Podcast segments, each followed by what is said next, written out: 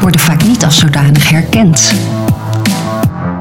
Ik was altijd energiek en sociaal en attent en echt op tafel dansen en helemaal leuk. En nu ben ik gewoon moe en ik heb gewoon geen zin in een sociaal gedoe. Ik had ook enorme last van zenuwen. Dus zeg maar het gevoel dat je een podium op moet en een speech moet gaan geven voor duizend man. En dat dan de hele dag door. Ik kreeg echt zo'n eh, foggy brain dat ik op, van de ene op de andere dag niet meer kon lezen. Dat wil zeggen, ik kon wel lezen. Ik kon wel eh, gewoon zien wat er stond of zo. Maar ik kon niet focussen. Kramp op mijn borst, het doet ineens echt zeer. En dan ineens moet ik naar adem snakken. Ik ben Suzanne Rettans en ik wil het hebben over die zoektocht. Over de implicaties voor werk en gezin. En ik wil het hebben over oplossingen, want die zijn er. Welkom bij de podcast We zijn toen niet gek?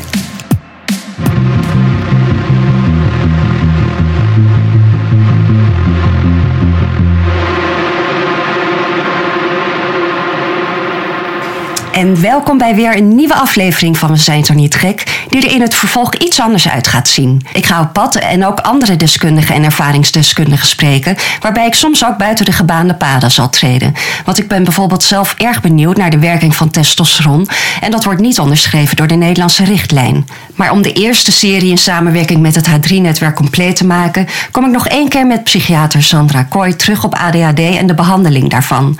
Want daar was veel vraag naar na de derde aflevering waarin we al hadden geconstateerd dat vrouwen met ADHD drie keer zo vaak premenstruele, postnatale en overgangsklachten hebben. Dat hebben we aangetoond dat dat zo is, dat die klachten erger zijn bij vrouwen met ADHD en vaker voorkomen.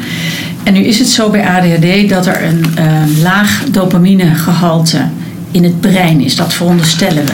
Dat kunnen we ook niet meten, maar dat, we weten wel dat de medicijnen voor ADHD daarop werken en dat de klachten dan afnemen. Ja. En dat dan ook de spiegel van dopamine toeneemt. Nou, dopamine is een stofje wat zorgt voor concentratie, focus, overzicht, uh, controle over stemming. Dan denk je, ja, dat kennen we van ADHD dat het daar een beetje hapert. Dus de functie van dopamine is inderdaad niet oké. Daar geven we die medicatie voor. Maar als je kijkt naar wat oestrogeen in het brein doet, is precies hetzelfde. Dus oestrogeen werkt op de eierstokken natuurlijk en zorgt voor opbouw van het slijmvlies in de baarmoeder, eh, zodat een eicel rond de 14e dag van de cyclus zich kan nestelen als die bevrucht is. Dat die in een warm bedje komt en dat die blijft zitten en daar zorgen al die hormonen voor. Maar oestrogeen doet meer. En dat, weet, dat weten heel veel mensen niet. En ik wist, wist, ook niet precies wat oestrogeen deed. Maar toen ik dat las in de literatuur, toen dacht ik, ja, dat is precies hetzelfde als dopamine doet. En inderdaad, ze werken samen in het brein. Dus oestrogeen en dopamine versterken elkaar, zijn zelfs bij elkaars aanmaak betrokken. Uh, doen, doen dus, ja, hebben echt een functie in het onderhoud van het brein. Dus kan je begrijpen, als je twee keer van allebei te weinig hebt, laag oestrogeen, in de week voor de menstruatie, na de bevalling en in de overgang, dan krijg je dan een uh, opvlamming van somberheid en prikkelbaarheid en agitatie en conflicten en lichamelijke klachten. Ja. Um, wat ik verkeerd had begrepen, want we hadden al de vorige keer had je gezegd van nou het werkt eigenlijk ook met vrouwen die as hebben en bipolair, al, al die stoornissen, dat, dat, dat het werkt eigenlijk op dezelfde manier samen. Toen dacht ik dat, dat zij allemaal laag in dopamine zitten. Ja, dat snap maar ik. Dorenda zei dat dat is niet zo, want het kan ook op serotonine werken. Ja, het brein is een beetje ingewikkeld. en alle stofjes daar in het brein praten met elkaar, er werken samen. En het is dus niet alleen maar dopamine. Het is ook serotonine, het is ook noradrenaline, het is ook GABA en, en glutamine. En er zijn er nog veel meer die we nog niet eens kennen. En als daar kleine foutjes in zitten of onregelmatigheden of het tekort is, dan kan je stoornissen krijgen. Het is heus niet het enige, maar het speelt mee. Hè? De omgeving, stress en slaap en uh, leefstijl, alles, alles doet mee. Uh, het is dus complex. Maar het is waar, uh, stemmingstoornissen, dus depressie en uh, bipolaire stoornis, hebben alles met serotonine en noradrenaline te maken, maar ook met dopamine. het is een beetje meer van het ene en een beetje minder van het ander misschien, en het verschilt weer per persoon. Dus je hebt ook antidepressiva die op het dopaminesysteem werken. Dat is bupropion. En dat geven we ook vaak aan vrouwen die depressief zijn, die ADHD hebben. Omdat het alvast een bodempje legt. Ja. Het is niet zo goed als echte ADHD-medicatie, als de stimulantia. Die werken nog veel sterker en gerichter op de aandacht. Maar het kan sommige mensen al stabiliseren, ook een beetje voor de ADHD. Nou, kortom, snap je, het is, het is niet zo zwart en wit. Maar we weten wel uit de literatuur dat vrouwen met autisme, vrouwen met bipolaire stoornis, vrouwen met borderline, kortom, een heel breed scala aan psychische klachten ook vaker eh, hormonale stemmingswisselingen hebben. Dus hè, waarschijnlijk is het zo eh, dat al die neurotransmitters reageren op een verandering van oestrogeen. En dat is waarom wij gevoelig zijn voor hormonale schommelingen. Maar vrouwen die al een ontregeling hebben in hun neurotransmitters, die- met psychische klachten, die zijn dus gevoeliger en misschien wel in het algemeen. Daar lijkt het op. Ja, ja.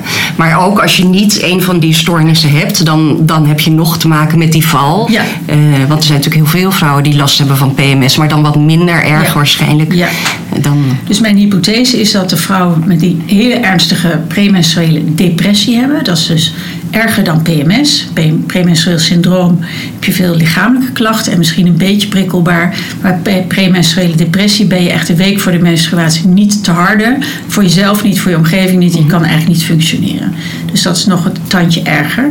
Daar heb ik het dan over.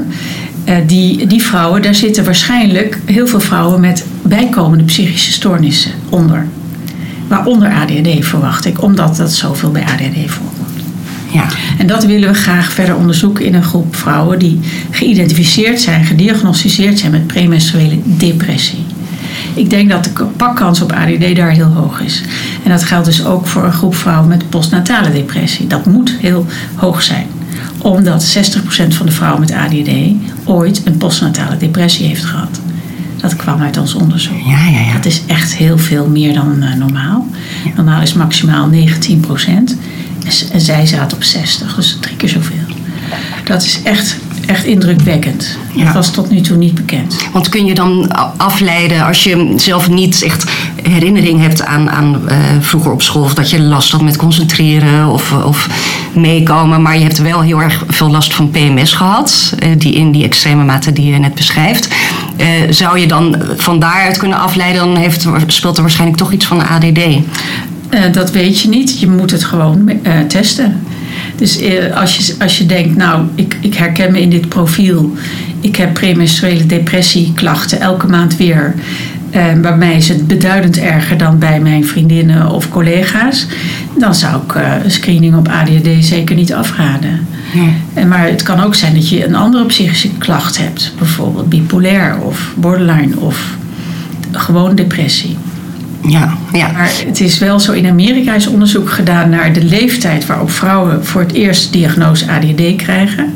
Je weet, ADHD is een stoornis die in de kindertijd moet beginnen, anders krijg je die diagnose niet. Dus dan hebben we het over lagere schoolleeftijd begint het al. Het is vaak aangeboren en dan ben je dus 60, 50, 60 in de overgang en dan word je dan pas herkend. Nou, dat, dat is bijzonder eh, laat ja. voor een kinderaandoening. Terwijl jongens en mannen eh, veel eerder worden gediagnosticeerd. En dat betekent dat ze ook eerder hulp kunnen krijgen. Ehm, nou hoeft niet iedereen misschien hulp te krijgen. Maar als je wel last hebt in je functioneren. Je, je lijdt eronder omdat je je school niet kan afmaken. Je lijdt eronder omdat je je talenten niet kan ontplooien. Omdat je je relaties niet eh, stabiel kunt houden. Omdat je elke maand onderuit gaat. Dat noem ik lijden. Dan is het fijn als je snapt eh, waar het vandaan komt. Want dan krijg je ook tools om ermee om te gaan. Dat kan behandeling zijn, dat kan eh, leefstijl zijn, maar ook begrip voor jezelf en jezelf niet de hele dag meer de schuld hoeven geven van alles wat misgaat. En daar lijden eh, alle mensen met ADD enorm onder. Die branden zichzelf de hele dag af van ik doe dit fout, ik ben te laat, ik heb dit vergeten. Hè? Eh, en dat hoeft niet als je het eenmaal begrijpt. Eh, en daarom is een diagnose zo belangrijk. En dan niet op je zestigste, en de vraag is natuurlijk waarom gebeurt het dan pas? Nou, ik denk dus dat er een interactie is met de hormoondaling. Als het echt zo enorm zwaar wordt dat je niet meer kan functioneren. Omdat je en geen dopamine hebt, maar ook geen oestrogeen meer. Met die oestrogenen redde je het dan nog net. In ieder geval de eerste helft van de cyclus. Hè, dat ging dan nog. Maar op een gegeven moment kom je onder een bepaald level en dan red je het helemaal niet meer. Nee. En dan word je overspat. De overgang duurt tien jaar. Dat is een heel langzaam proces waarin de hormonen blijven stijgen en dalen, maar wel langzaam naar beneden gaan. En dat duurt tien jaar en in die tien jaar wordt het steeds minder dat je je controle houdt. Maar het wisselt ook nog een beetje. Dus je kan er iedere keer nog denken, oh het gaat wel weer. En dan, oh nee, toch weer niet. En dan ga je natuurlijk ook aan jezelf twijfelen. Dat is de leeftijd dat de vrouw dus vaak toch bij de huisarts of de bedrijfsarts aankloppen van ik, ik eh, weet niet wat ik heb, maar ik red het niet. Maar ik ben echt overspannen. En die vrouwen zijn er soms 1, 2 jaar uit of komen niet meer terug. Nou, dat is ook heel zonde van die vrouwen en van hun talenten en van hun ervaring. Het is heel jammer als je zo je werkzame leven moet afsluiten. Ja, dat, en is dat nou altijd nodig? Ik denk het dus niet. Dus daar willen we bij eh, H3, hè, het hoofd-hart-hormonennetwerk, eh, aandacht voor vragen. Bewustzijn voor creëren. En ook, als het nodig is, eh, betere behandelopties eh, voorstellen en ontwikkelen met elkaar. Ja, want die betere behandeling die is er. En er is een nieuwe richtlijn eh, voor de hormoonsuppletiegedeelte. En, eh, en je kunt dus die stimulantia, die eigenlijk de ADHD-medicatie, werkt goed ook eigenlijk voor dit, eigenlijk de cognitieve klachten. Ja. Ja, dat is een onderzoek wat nog niet gepubliceerd is uit Amerika, wat ik eh, in januari 2023 eh, heb gehoord. Dus dat is heel recent. Eh, en in dat onderzoek werden vrouwen in de menopauze met en zonder ADHD vergeleken. Die zware klachten hadden van de menopauze, psychisch ook, en, en cognitief en geheugen en concentratie en eh, stemming. En die knapten op met een eh, ADHD-medicijn, ongeacht de ADHD.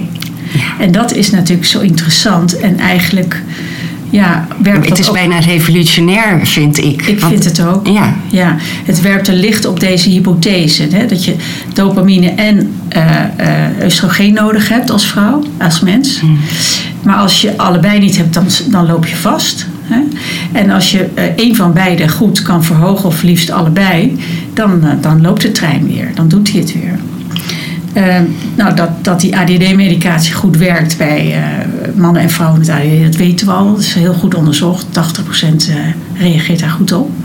En natuurlijk moet je goed kijken naar de dosis en naar de bijwerkingen en naar de bijkomende stoornissen die bijna altijd eh er doorheen spelen. Die moet je ook aanpakken, anders gaat het nog steeds niet optimaal.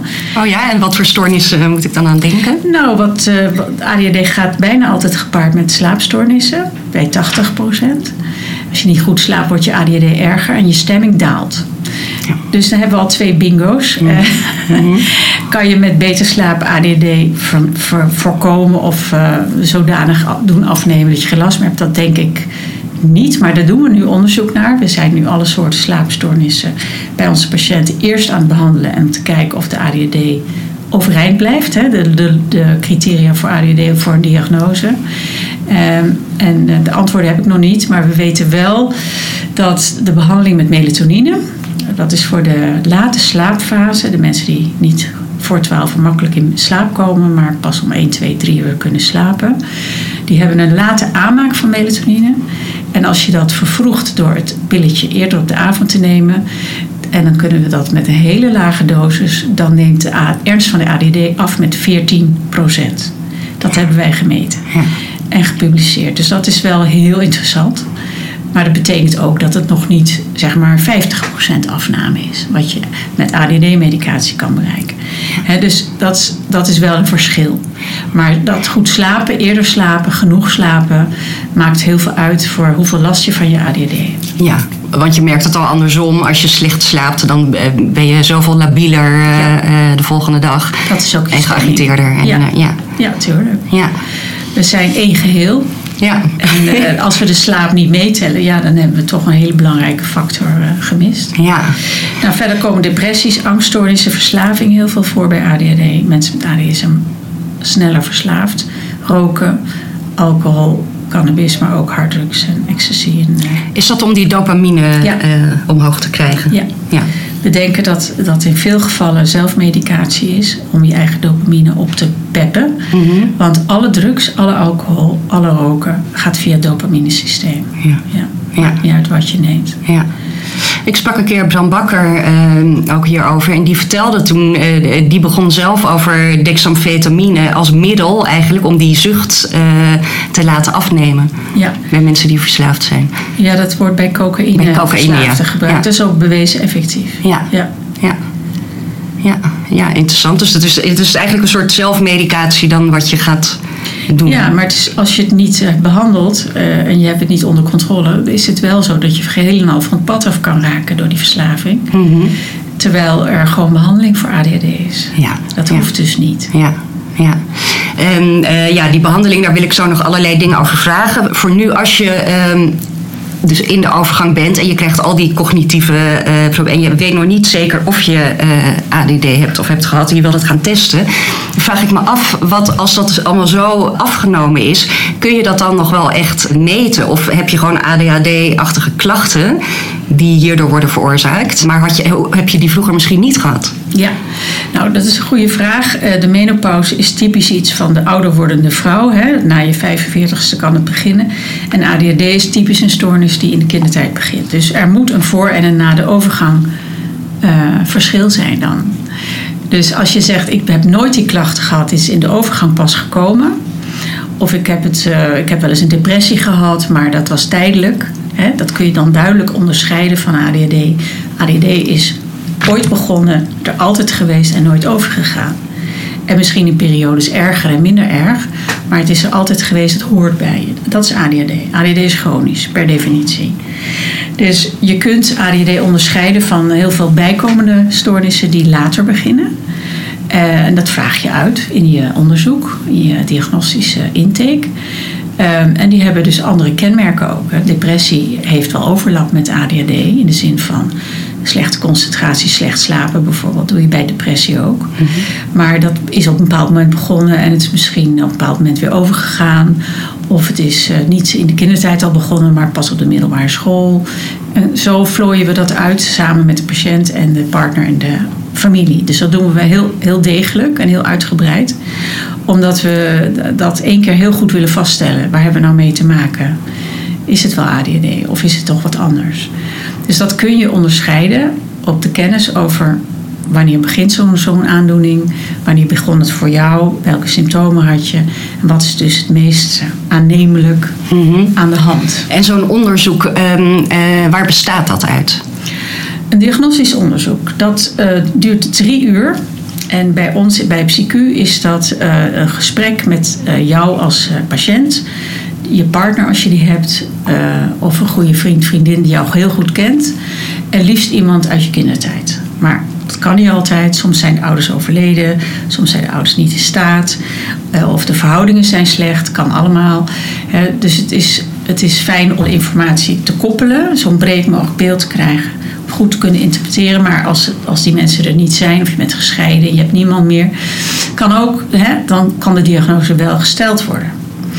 Ehm, maar soms weet iemand met ADHD niet zo goed hoe vaak dingen voorkomen. Dan vraag ik eh, woedebuien. Heb je die wel eens? Ja, die heb ik wel eens.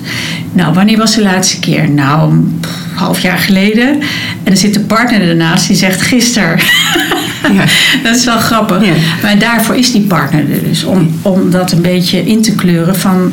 Want je herinnering is niet zo adequaat per se. Hè? En het is moeilijk om achteraf een diagnose te stellen... die in de kindertijd is begonnen bij mensen met slecht geheugen. Dus het is gewoon verstandig om het wat breder in te, in te steken. Eh, waarbij niet per se de ouder of de partner gelijk heeft hoor. Ja. De patiënt voelt zelf het beste wat hij, wat hij ervaart. En dat is ook de beste informant, dat heb ik onderzocht. Maar de, de partner kan heel goed aanvullen, invullen over hoe vaak en wanneer. En de ouders kunnen ook vertellen, ja, maar bij ons in de familie was iedereen druk. Dus deze, dit Pietje die, eh, die is nog niet eens de ergste, dus die heeft het niet, zegt de familie dan bijvoorbeeld. Ja. En dan zeg ik, nou, dat maakt niet uit. Iedereen heeft het op zijn eigen manier, kan het op zijn eigen manier. Maar als iedereen druk is, is de kans dat het in jullie familie dus voorkomt wel verhoogd. en dat zien mensen dan niet soms anders, omdat dat voor hun normaal is. En dat begrijp ik ook. Maar daarvoor heb je dus een eh, deskundige nodig om alle meningen een beetje te horen en dan een afweging te maken over weer wat is hier het meest aannemelijk. Ja, ik kan me ook voorstellen dat kinderen van vroeger eh, minder last hadden van hun ADHD dan kinderen nu. Omdat het leven zoveel drukker is geworden en je met die telefoontjes en dat het aantal prikkels is enorm. Ja. Eh, dus ik denk dat die eerder vastlopen nu dan eh, wij vroeger, zeg maar. Dat weet ik niet zo goed. Ik denk ADHD is niet alleen iets van de maatschappij. Natuurlijk, als je de hele dag wordt afgeleid door je telefoon, helpt dat niet. Dat kunnen we denk ik allemaal bevestigen, want we lijden allemaal een beetje aan ADHD door die eh, mobiele prikkels constant op, om je heen. Dus je moet echt iets doen om het uit te zetten, om het niet te hebben, om er geen last van te hebben. Dat is een hele, hele daad tegenwoordig. Maar eh, ADHD zit- in je hoofd. Het is er altijd. Ook als het buiten niet druk is, ben jij nog steeds druk. Hè, en in die zin eh, eh, weet ik niet of de last zoveel minder was. Dat kan ik niet zo goed beoordelen. Ik kan me wel voorstellen dat je eerder vastloopt, omdat de eisen hoog zijn op school. En je wordt echt geacht binnen een bepaalde tijd zoveel taken en, eh, en dingen voor, voor elkaar te hebben in je hoofd te hebben. En dat is voor, als je, voor iemand met ADD gewoon moeilijker. Het kost meer inspanning en ook meer tijd. Ja. En die tijd is niet strak gepland, want dat kan je niet zo goed. Nee. Dus eh, logisch dat je vastloopt. Hè? En daarom zijn er ook eh, rugzakjes voor school. Er is dus erkenning voor het feit dat het meer moeite kost. En dat je dus misschien ook meer examentijd moet hebben. Of voorbereidingstijd. Of begeleiding. Net als voor dyslexie. Ik denk dat dat terecht is. Ja, en is een, een, een, een disharmonisch profiel, eh, als er eh, eh, een intelligentieonderzoek, want dat hoort er vaak bij, toch? Bij het, bij het onderzoek, Nee, of niet? doen wij niet. Doen wij niet standaard. Nee. Maar wij behandelen alleen volwassenen vanaf 17, Ja. 18.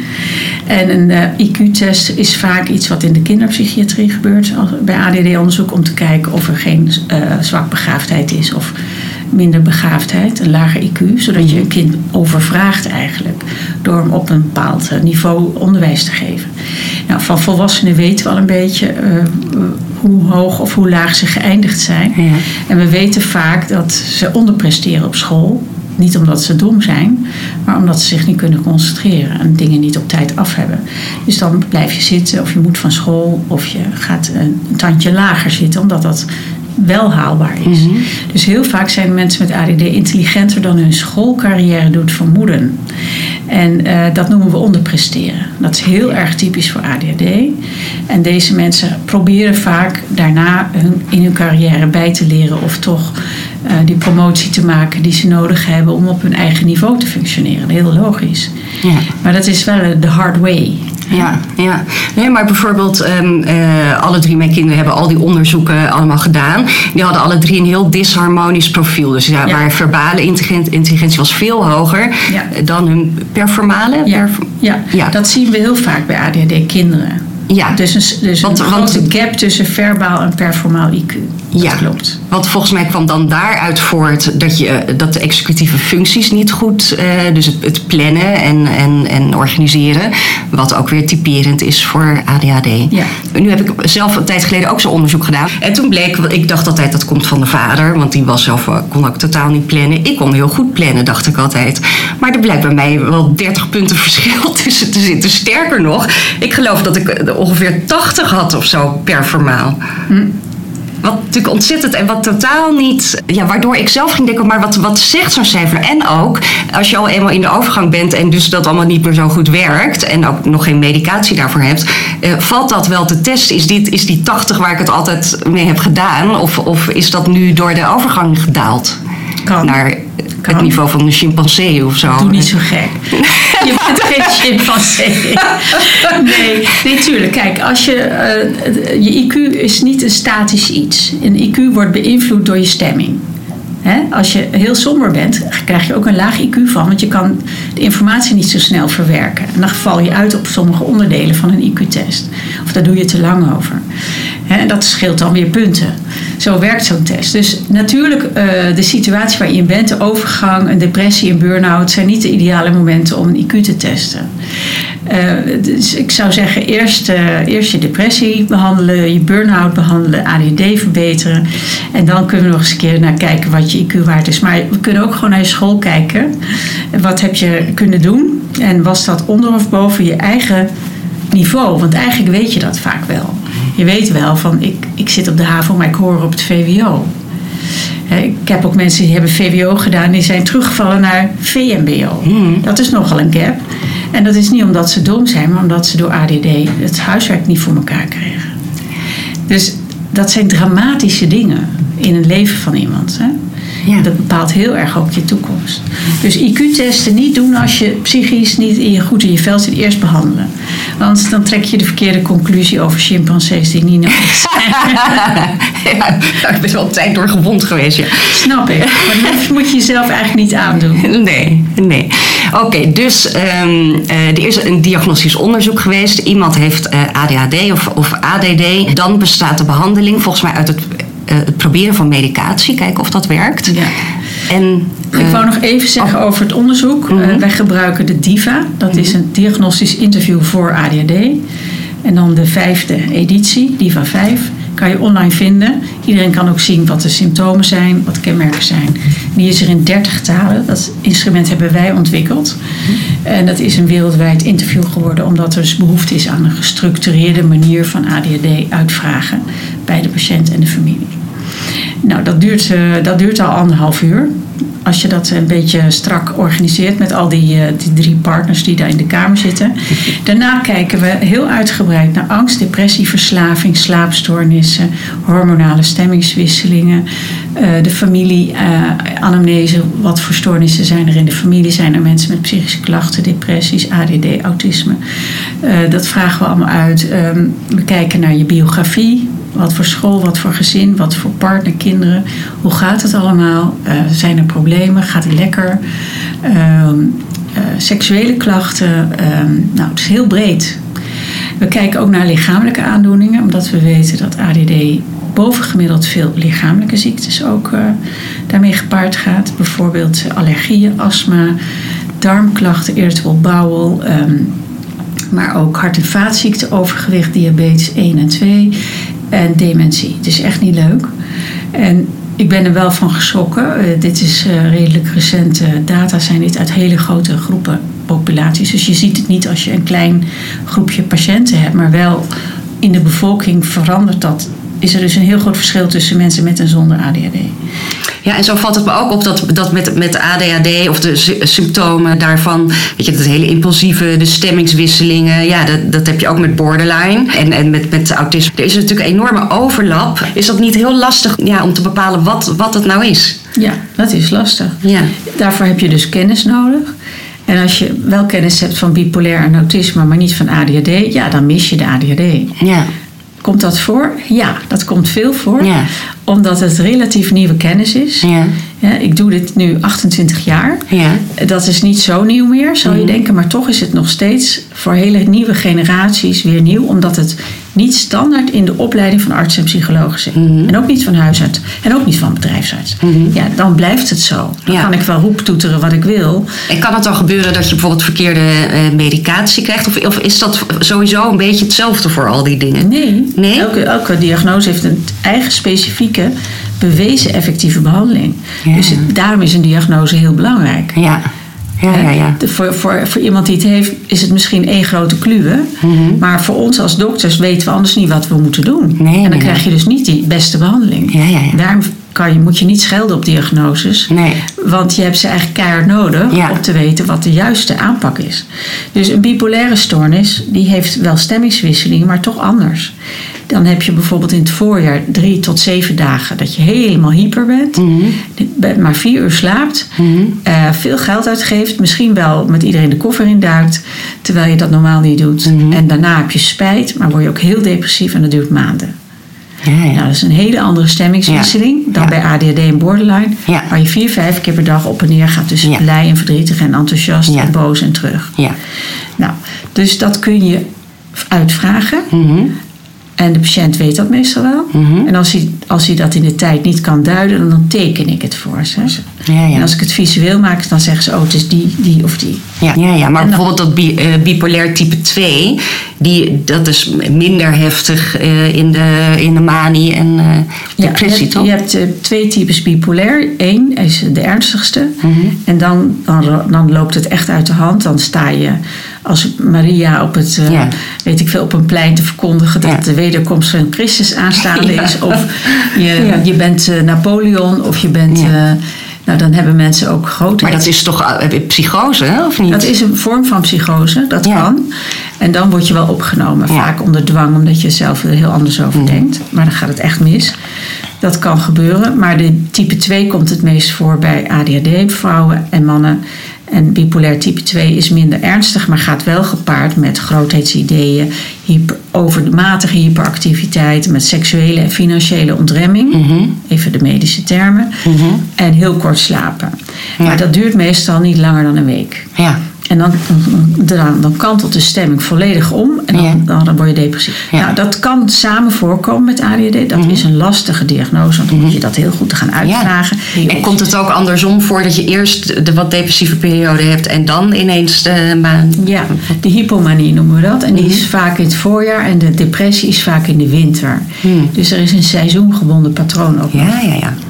Dan maken we een, eh, een samenvatting en die geef ik terug aan de familie, aan de patiënt. Van, nou, dit denk ik. Zou het kunnen dat er die in die stoornissen zijn?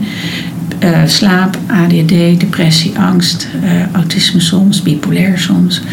En dan check ik of dat klopt, of ik zo goed heb begrepen. En dan, als zij denken dat zo is, dan doe ik een behandelvoorstel. En dat behandelvoorstel gaat over wat is er nu het meest urgent en wat moet eerst. Dus dat vraag ik ook weer aan de patiënt van wat wil je? Eerst je stemming, eerst je slaap of eerst je ADHD? En, eh, want die drie zijn eigenlijk bijna altijd prijs. En ik heb daar ook een mening over, maar ik vraag het ook altijd aan de patiënt. En uh, nou, dan, dan En, waar- wat is die mening dan? Mijn mening? Ja? Nou, mijn mening is dat, um, dat slaap en depressie eerst moeten. Want als je slecht blijft slapen en ik geef je wel een goede ADHD-behandeling, dan ga je er niet van profiteren, want je bent te moe. En we weten dat moeheid en uitputting je stemming verslechtert en je ADHD verslechtert. Dus dan werken we nog niet um, met elkaar mee, zeg maar. En depressie is uh, zodanig uh, levensverpestend dat dat qua urgentie eerst moet. En bovendien is, is er soms suicidaliteit, dan moet dat echt eerst. Ja. Dat en dat is niet alleen depressie, maar ook anxiety. Hè? Dus als je, Angst, als je ook, heel. ja. Angst en depressie moeten eerst. Kijk, iemand verdraagt eh, medicatie voor ADHD niet als hij angstig is. Want het versnelt de hartslag. Dat is een bijwerking. Ja. En die kan je heel goed hebben als je niet angstig bent. Maar als je wel angstig bent, dan flip je. Ja, ja. En dat zijn ook de mensen die heel vaak die klachten hebben van... oh, rotspillen, die willen nooit meer. Die zijn geflipt op een onbehandelde angststoornis. Ja, ja, ja. En als je depressief bent, dan kan je best opknappen met ADD-medicatie, maar je ervaart het leven nog steeds als eh, grijs en grauw. Dus je kan het niet beoordelen. Nee. Nou, kortom, dat zijn hele goede inhoudelijke redenen om angst, depressie en slaap eerst te behandelen. Ja. En dan doen we dat op de kortst mogelijke manier.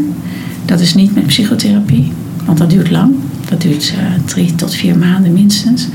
En al die drie tot vier maanden kan je niet goed concentreren, omdat je ADD nog niet behandeld kan worden, om deze reden. Nou, dat trek je dus niet. Dat duurt te lang. En dan haken patiënten af voor het eind van de psychotherapie. En dan hebben we allemaal niks. Dat schiet niet op. Dus dat is de reden dat, dat ik een voorkeur heb voor medicatie. Voor angst, depressie. En voor slaap afhankelijk van eh, welke stoornis eh, er nodig is. En dat gaat heel goed. Dan zijn we vaak binnen een maand, zes weken aan de volgende stap toe. En dat is iets wat een, iemand met ADD net aan kan. dus ja, je moet ook kijken naar wat kan mijn patiënt hebben. Niet alleen maar wat staat er in de richtlijn, Ja, ja. vind ik. En dan, en dan heb je dus eh, zo'n antidepressivum en dan ga je daarnaast eh, een stimulantia slikken. Of, of, of hou- Ja. bouw je die ene dan alweer af? Nee, hè? Zeker niet. Nee. We voegen dat toe. Ja. Want als je, kijk, als een antidepressivum goed werkt en je stopt meteen, dan ben je terug bij af. Ja. Je hebt dat echt wel vaak langere tijd nodig. Hoe lang hangt weer af van hoe lang je depressief bent geweest en hoe vaak je al depressief bent geweest. ja. Dus ehm, Eh, afgezien van de bijwerkingen is het, is het volgens mij niet gevaarlijk, toch? eh, lichamelijk. nee. Om die. eh, Nou kijk, we controleren een aantal medicijnen heel goed. mhm. Vooral de stimulantia, omdat die eh, de hartslag verhogen en de bloeddruk kunnen verhogen. Maar ze kunnen ook de bloeddruk verlagen. En ze maken je ook rustig. Ja. En ze zorgen ook dat je een beter ritme krijgt en, en een beter dag- en nachtritme. Je wordt, er, je wordt er actief van, helder in je hoofd. Mhm. Je hebt meer overzicht, je krijgt meer gedaan. Je kan efficiënter werken. Dus dat heeft eigenlijk alleen maar voordelen. Ja. En dan is het wel heel belangrijk dat je de bijwerkingen kan verdragen. Ja. En daarvoor moet je eerst je slaap gereset hebben Mhm. en voldoende uren maken. Anders lukt dat niet. Nee. Het verhoogt de hartslag, de bloeddruk moeten we in de gaten houden. Je gewicht wordt in de gaten gehouden. Je wordt gewoon gewogen Mhm. om te kijken of je niet te veel afvalt. En als je geen eetlust hebt, moet je gewoon toch eten. En daar moeten we dan een manier voor vinden. Dus er is echt Mhm. Ja. wel wat begeleiding mee nodig. En, de- en dat antidepressiva, eh, eh, heb ik ook wel eens gehoord dat die heel erg op de darmen inwerken. En daar. Kijk, antidepressiva en ook stimulantie werken niet alleen in je hoofd. Nee. Die werken ook in je darmen of op je seksorgaan of op je zweetklieren of op je weet ik veel wat, hartslag. En eh, dan, daarom staat er altijd een hele rij bijwerkingen. Maar dat is in feite dat het middel overal iets doet. Ja, Wij zijn één geheel. Ja. Het is niet dat het pilletje alleen naar boven gaat en niet naar beneden. Ja, ja dat is er. Daarom hoor je soms ook over libido bijvoorbeeld. Ja, eh, ja, dat is een bijwerking van de, van de moderne antidepressiva. Ja. Dat is heel vervelend. ja, Dus dat doe je echt niet voor je lol. nee. Hè, dat doe je eh, als de stemming zo slecht is dat je wel moet. Ja, Hè? ja, ja. Dus ja, het heeft voor- en nadelen, maar de, we zoeken naar een middel wat de grootste nadelen eh, eh, zoveel mogelijk vermindert. Ja, ja. En de bijwerkingen moeten we zo goed mogelijk managen. ja. En dan is het niet gevaarlijk, nee. Nee, nee. Zijn er ook mensen die, ehm, eh, die eigenlijk zo aanstaan dat ze ehm, sowieso baat hebben bij een lage dosis antidepressieven? Wat bedoel je in dit geval met aan? Nou ja, dat je, dat je te, ehm, te snel eh, overprikkeld bent. Dus eigenlijk meer zo'n zintuigelijke overprikkeling. Ja. Dat je die snel ervaart, snel eh, gestrest bent, eh, last hebt van licht, geluid. Oh, maar dat hebben alle ADHD-mensen toch? Ja, ja. Het begint eigenlijk altijd met psycho-educatie. Hè? Dus je begint met wat heb ik nou voor stoornissen dan op mijn bordje gekregen en herken ik dat wel en kan ik daar wat mee en wil ik daar wat mee? En zijn het met elkaar eens over wat eerst moet en wat het belangrijkste is of het ergst is. Eh, en dan de, de aanpak, dat, dat, wordt, dat is ook psycho-educatie. Waarom doen we eerst slaap, angst en depressie en met wat en waarom? En eh, wat zijn je ervaringen daarmee en hoe zie je dat? En, eh, veel mensen vinden het medicijnen natuurlijk moeilijk en eh medicijnen bijwerkingen. En ben je dan nog wel de baas over jezelf? Ja, natuurlijk. Jij bent de baas. Jij ja. bent- Ben ik nog wel mezelf? ja, dat, maar dat, bepaal je ook allemaal zelf. Hè?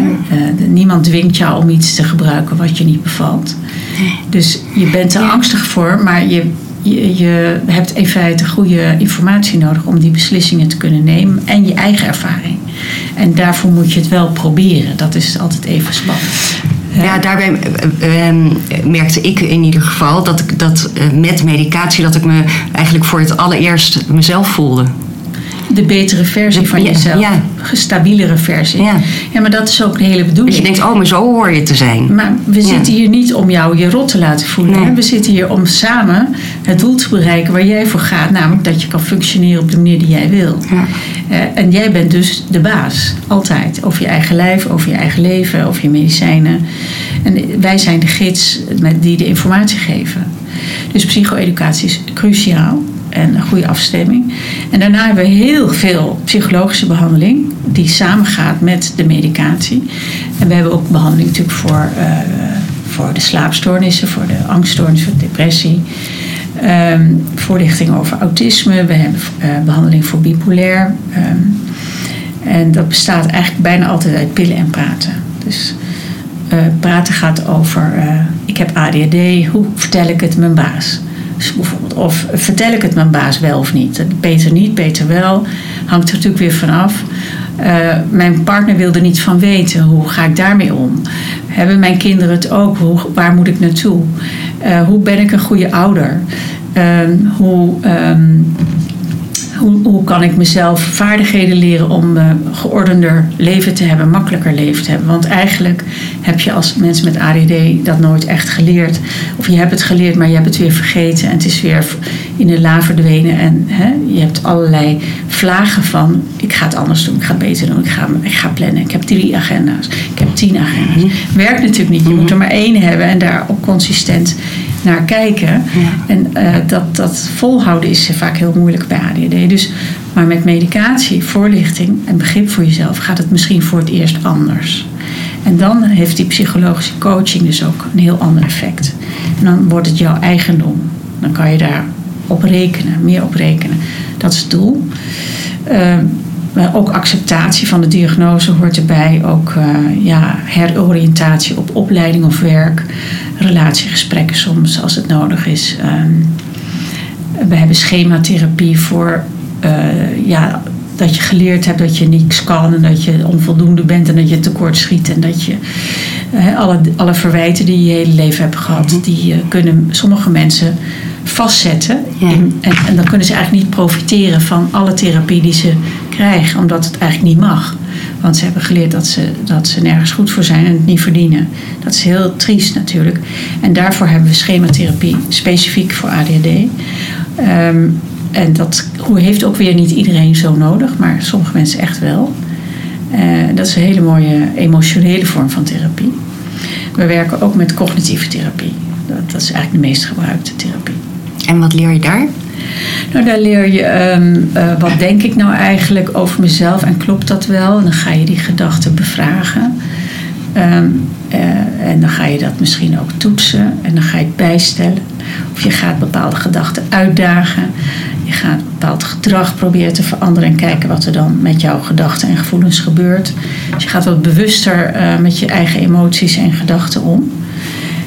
Met als doel ja, ook weer typisch ADHD-gedrag tegen het licht te houden van wil ik dat wel zo? Kan het ook anders? Hoe kan het anders? Ja, dus er vindt eigenlijk een enorme bewustwording ja, plaats. Enorm, ja. ja. ja. ja. Ik hoorde ook in een van de webinars uh, die op YouTube staan, ging het ook over het, uh, het, moederschap. Dat dat vaak, omdat je al je eigen agenda moet je natuurlijk allemaal al bijhouden. Maar dat ja, vrouwen zijn toch vaak de speel in het gezin.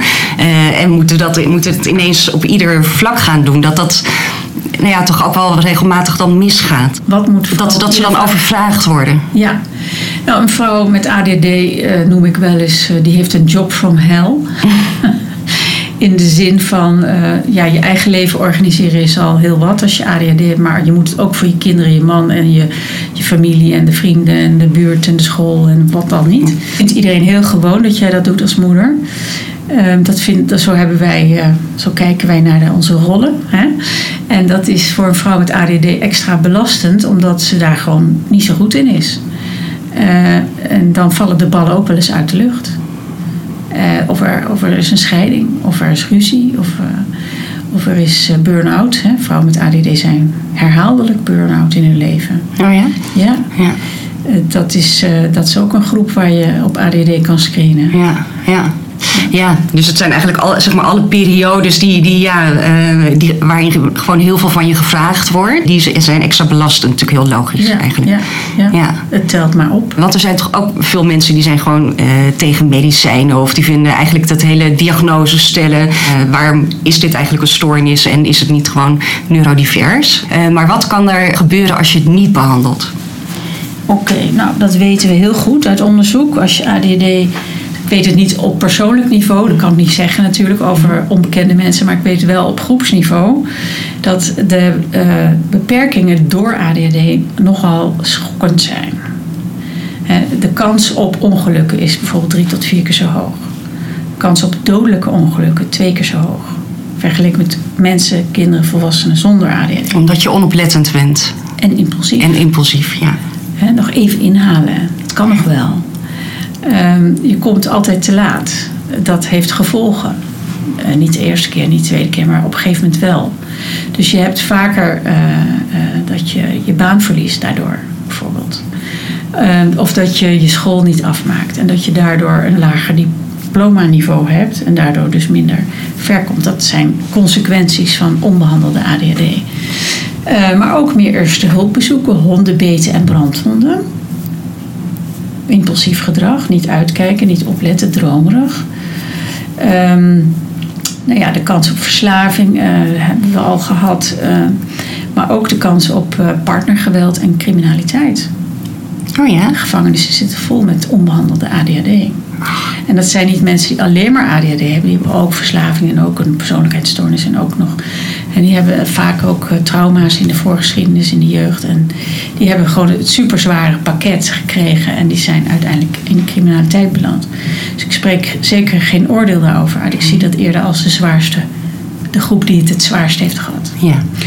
Ehm, maar dat is wel zo. Die kans op criminaliteit is sterk verhoogd en ook op partnergeweld. In Ja. de relatie. Dat zijn niet de leukste onderwerpen om te bespreken. Maar als je me vraagt wat zijn de beperkingen, de gevolgen van onbehandelde ADD, dan zit het in de lijst. Ja. Dan hebben we nog obesitas. Sterk verhoogd met als gevolg suikerziekte, hart- en vaatziekte, dementie, jonger overlijden. Dat vind ik nogal wat, Dat hè? is nogal wat, ja. En dan nog al die lichamelijke ziekten die ik net noemde. Ik vind het... eh, nou, en het, en je het kan het niet verkopen om te zeggen het is onschuldig. Nee. Dat kan je niet meer Nee. verkopen. Ik kan wel zeggen, ik kies ervoor het niet te doen. Dat is je eigen verantwoordelijkheid. Maar het is fijn als je deze informatie wel hebt. Want dan, je kan natuurlijk zeggen, oh, maar ik ben niet crimineel of ik heb dit of dat niet. Dat is heel fijn, gefeliciteerd. Mhm. Maar er zijn gewoon risico's verbonden aan de aandoening. Ja. En het gaat er helemaal niet om om je in een hokje te stoppen. Of om jou eh, de schuld te geven. Absoluut niet. Het gaat erom dat je kan floreren. Ja. Dat je je potentie haalt, dat je gelukkig bent. Ja. Een ander doel hebben wij hier niet. Nee, nee. Nee, en dat is natuurlijk vaak zeg maar, de, de onrust die je in jezelf ervaart. En, en op een gegeven moment met PMS, eh, hele erge PMS-klachten, eh, de ruzies die je daardoor krijgt en zo. Het is eh, eigenlijk ja, een voortdurende stroom van, van ellende eigenlijk. En, en emotionele uitbarstingen. En, en stress. stress, Ja. scheidingen. Ja, vreselijk. Ja, heb je je baan opgezegd ineens weer. Ja, daar kies je toch eigenlijk niet Nee, voor. Dat zou je nee. toch jezelf niet toewensen. nee, nee. En ja, eh, het is natuurlijk heel moeilijk om op een gegeven moment te zien wat komt nou door wat. Is het mijn karakter? Is, ligt het aan mijn partner? Ligt het aan mijn ouders? Lag het aan het weer? Aan de menstruatie? Ja, god mag weten wat. Maar als je op een gegeven moment dit verhaal in zijn, in zijn geheel overziet en je herkent het, dan moet je gewoon achter je oor krabben van denk verrek. Misschien is het toch iets voor om naar te kijken. Hè? En als je dat niet wil, is ook goed. Ja. Dat zijn jou.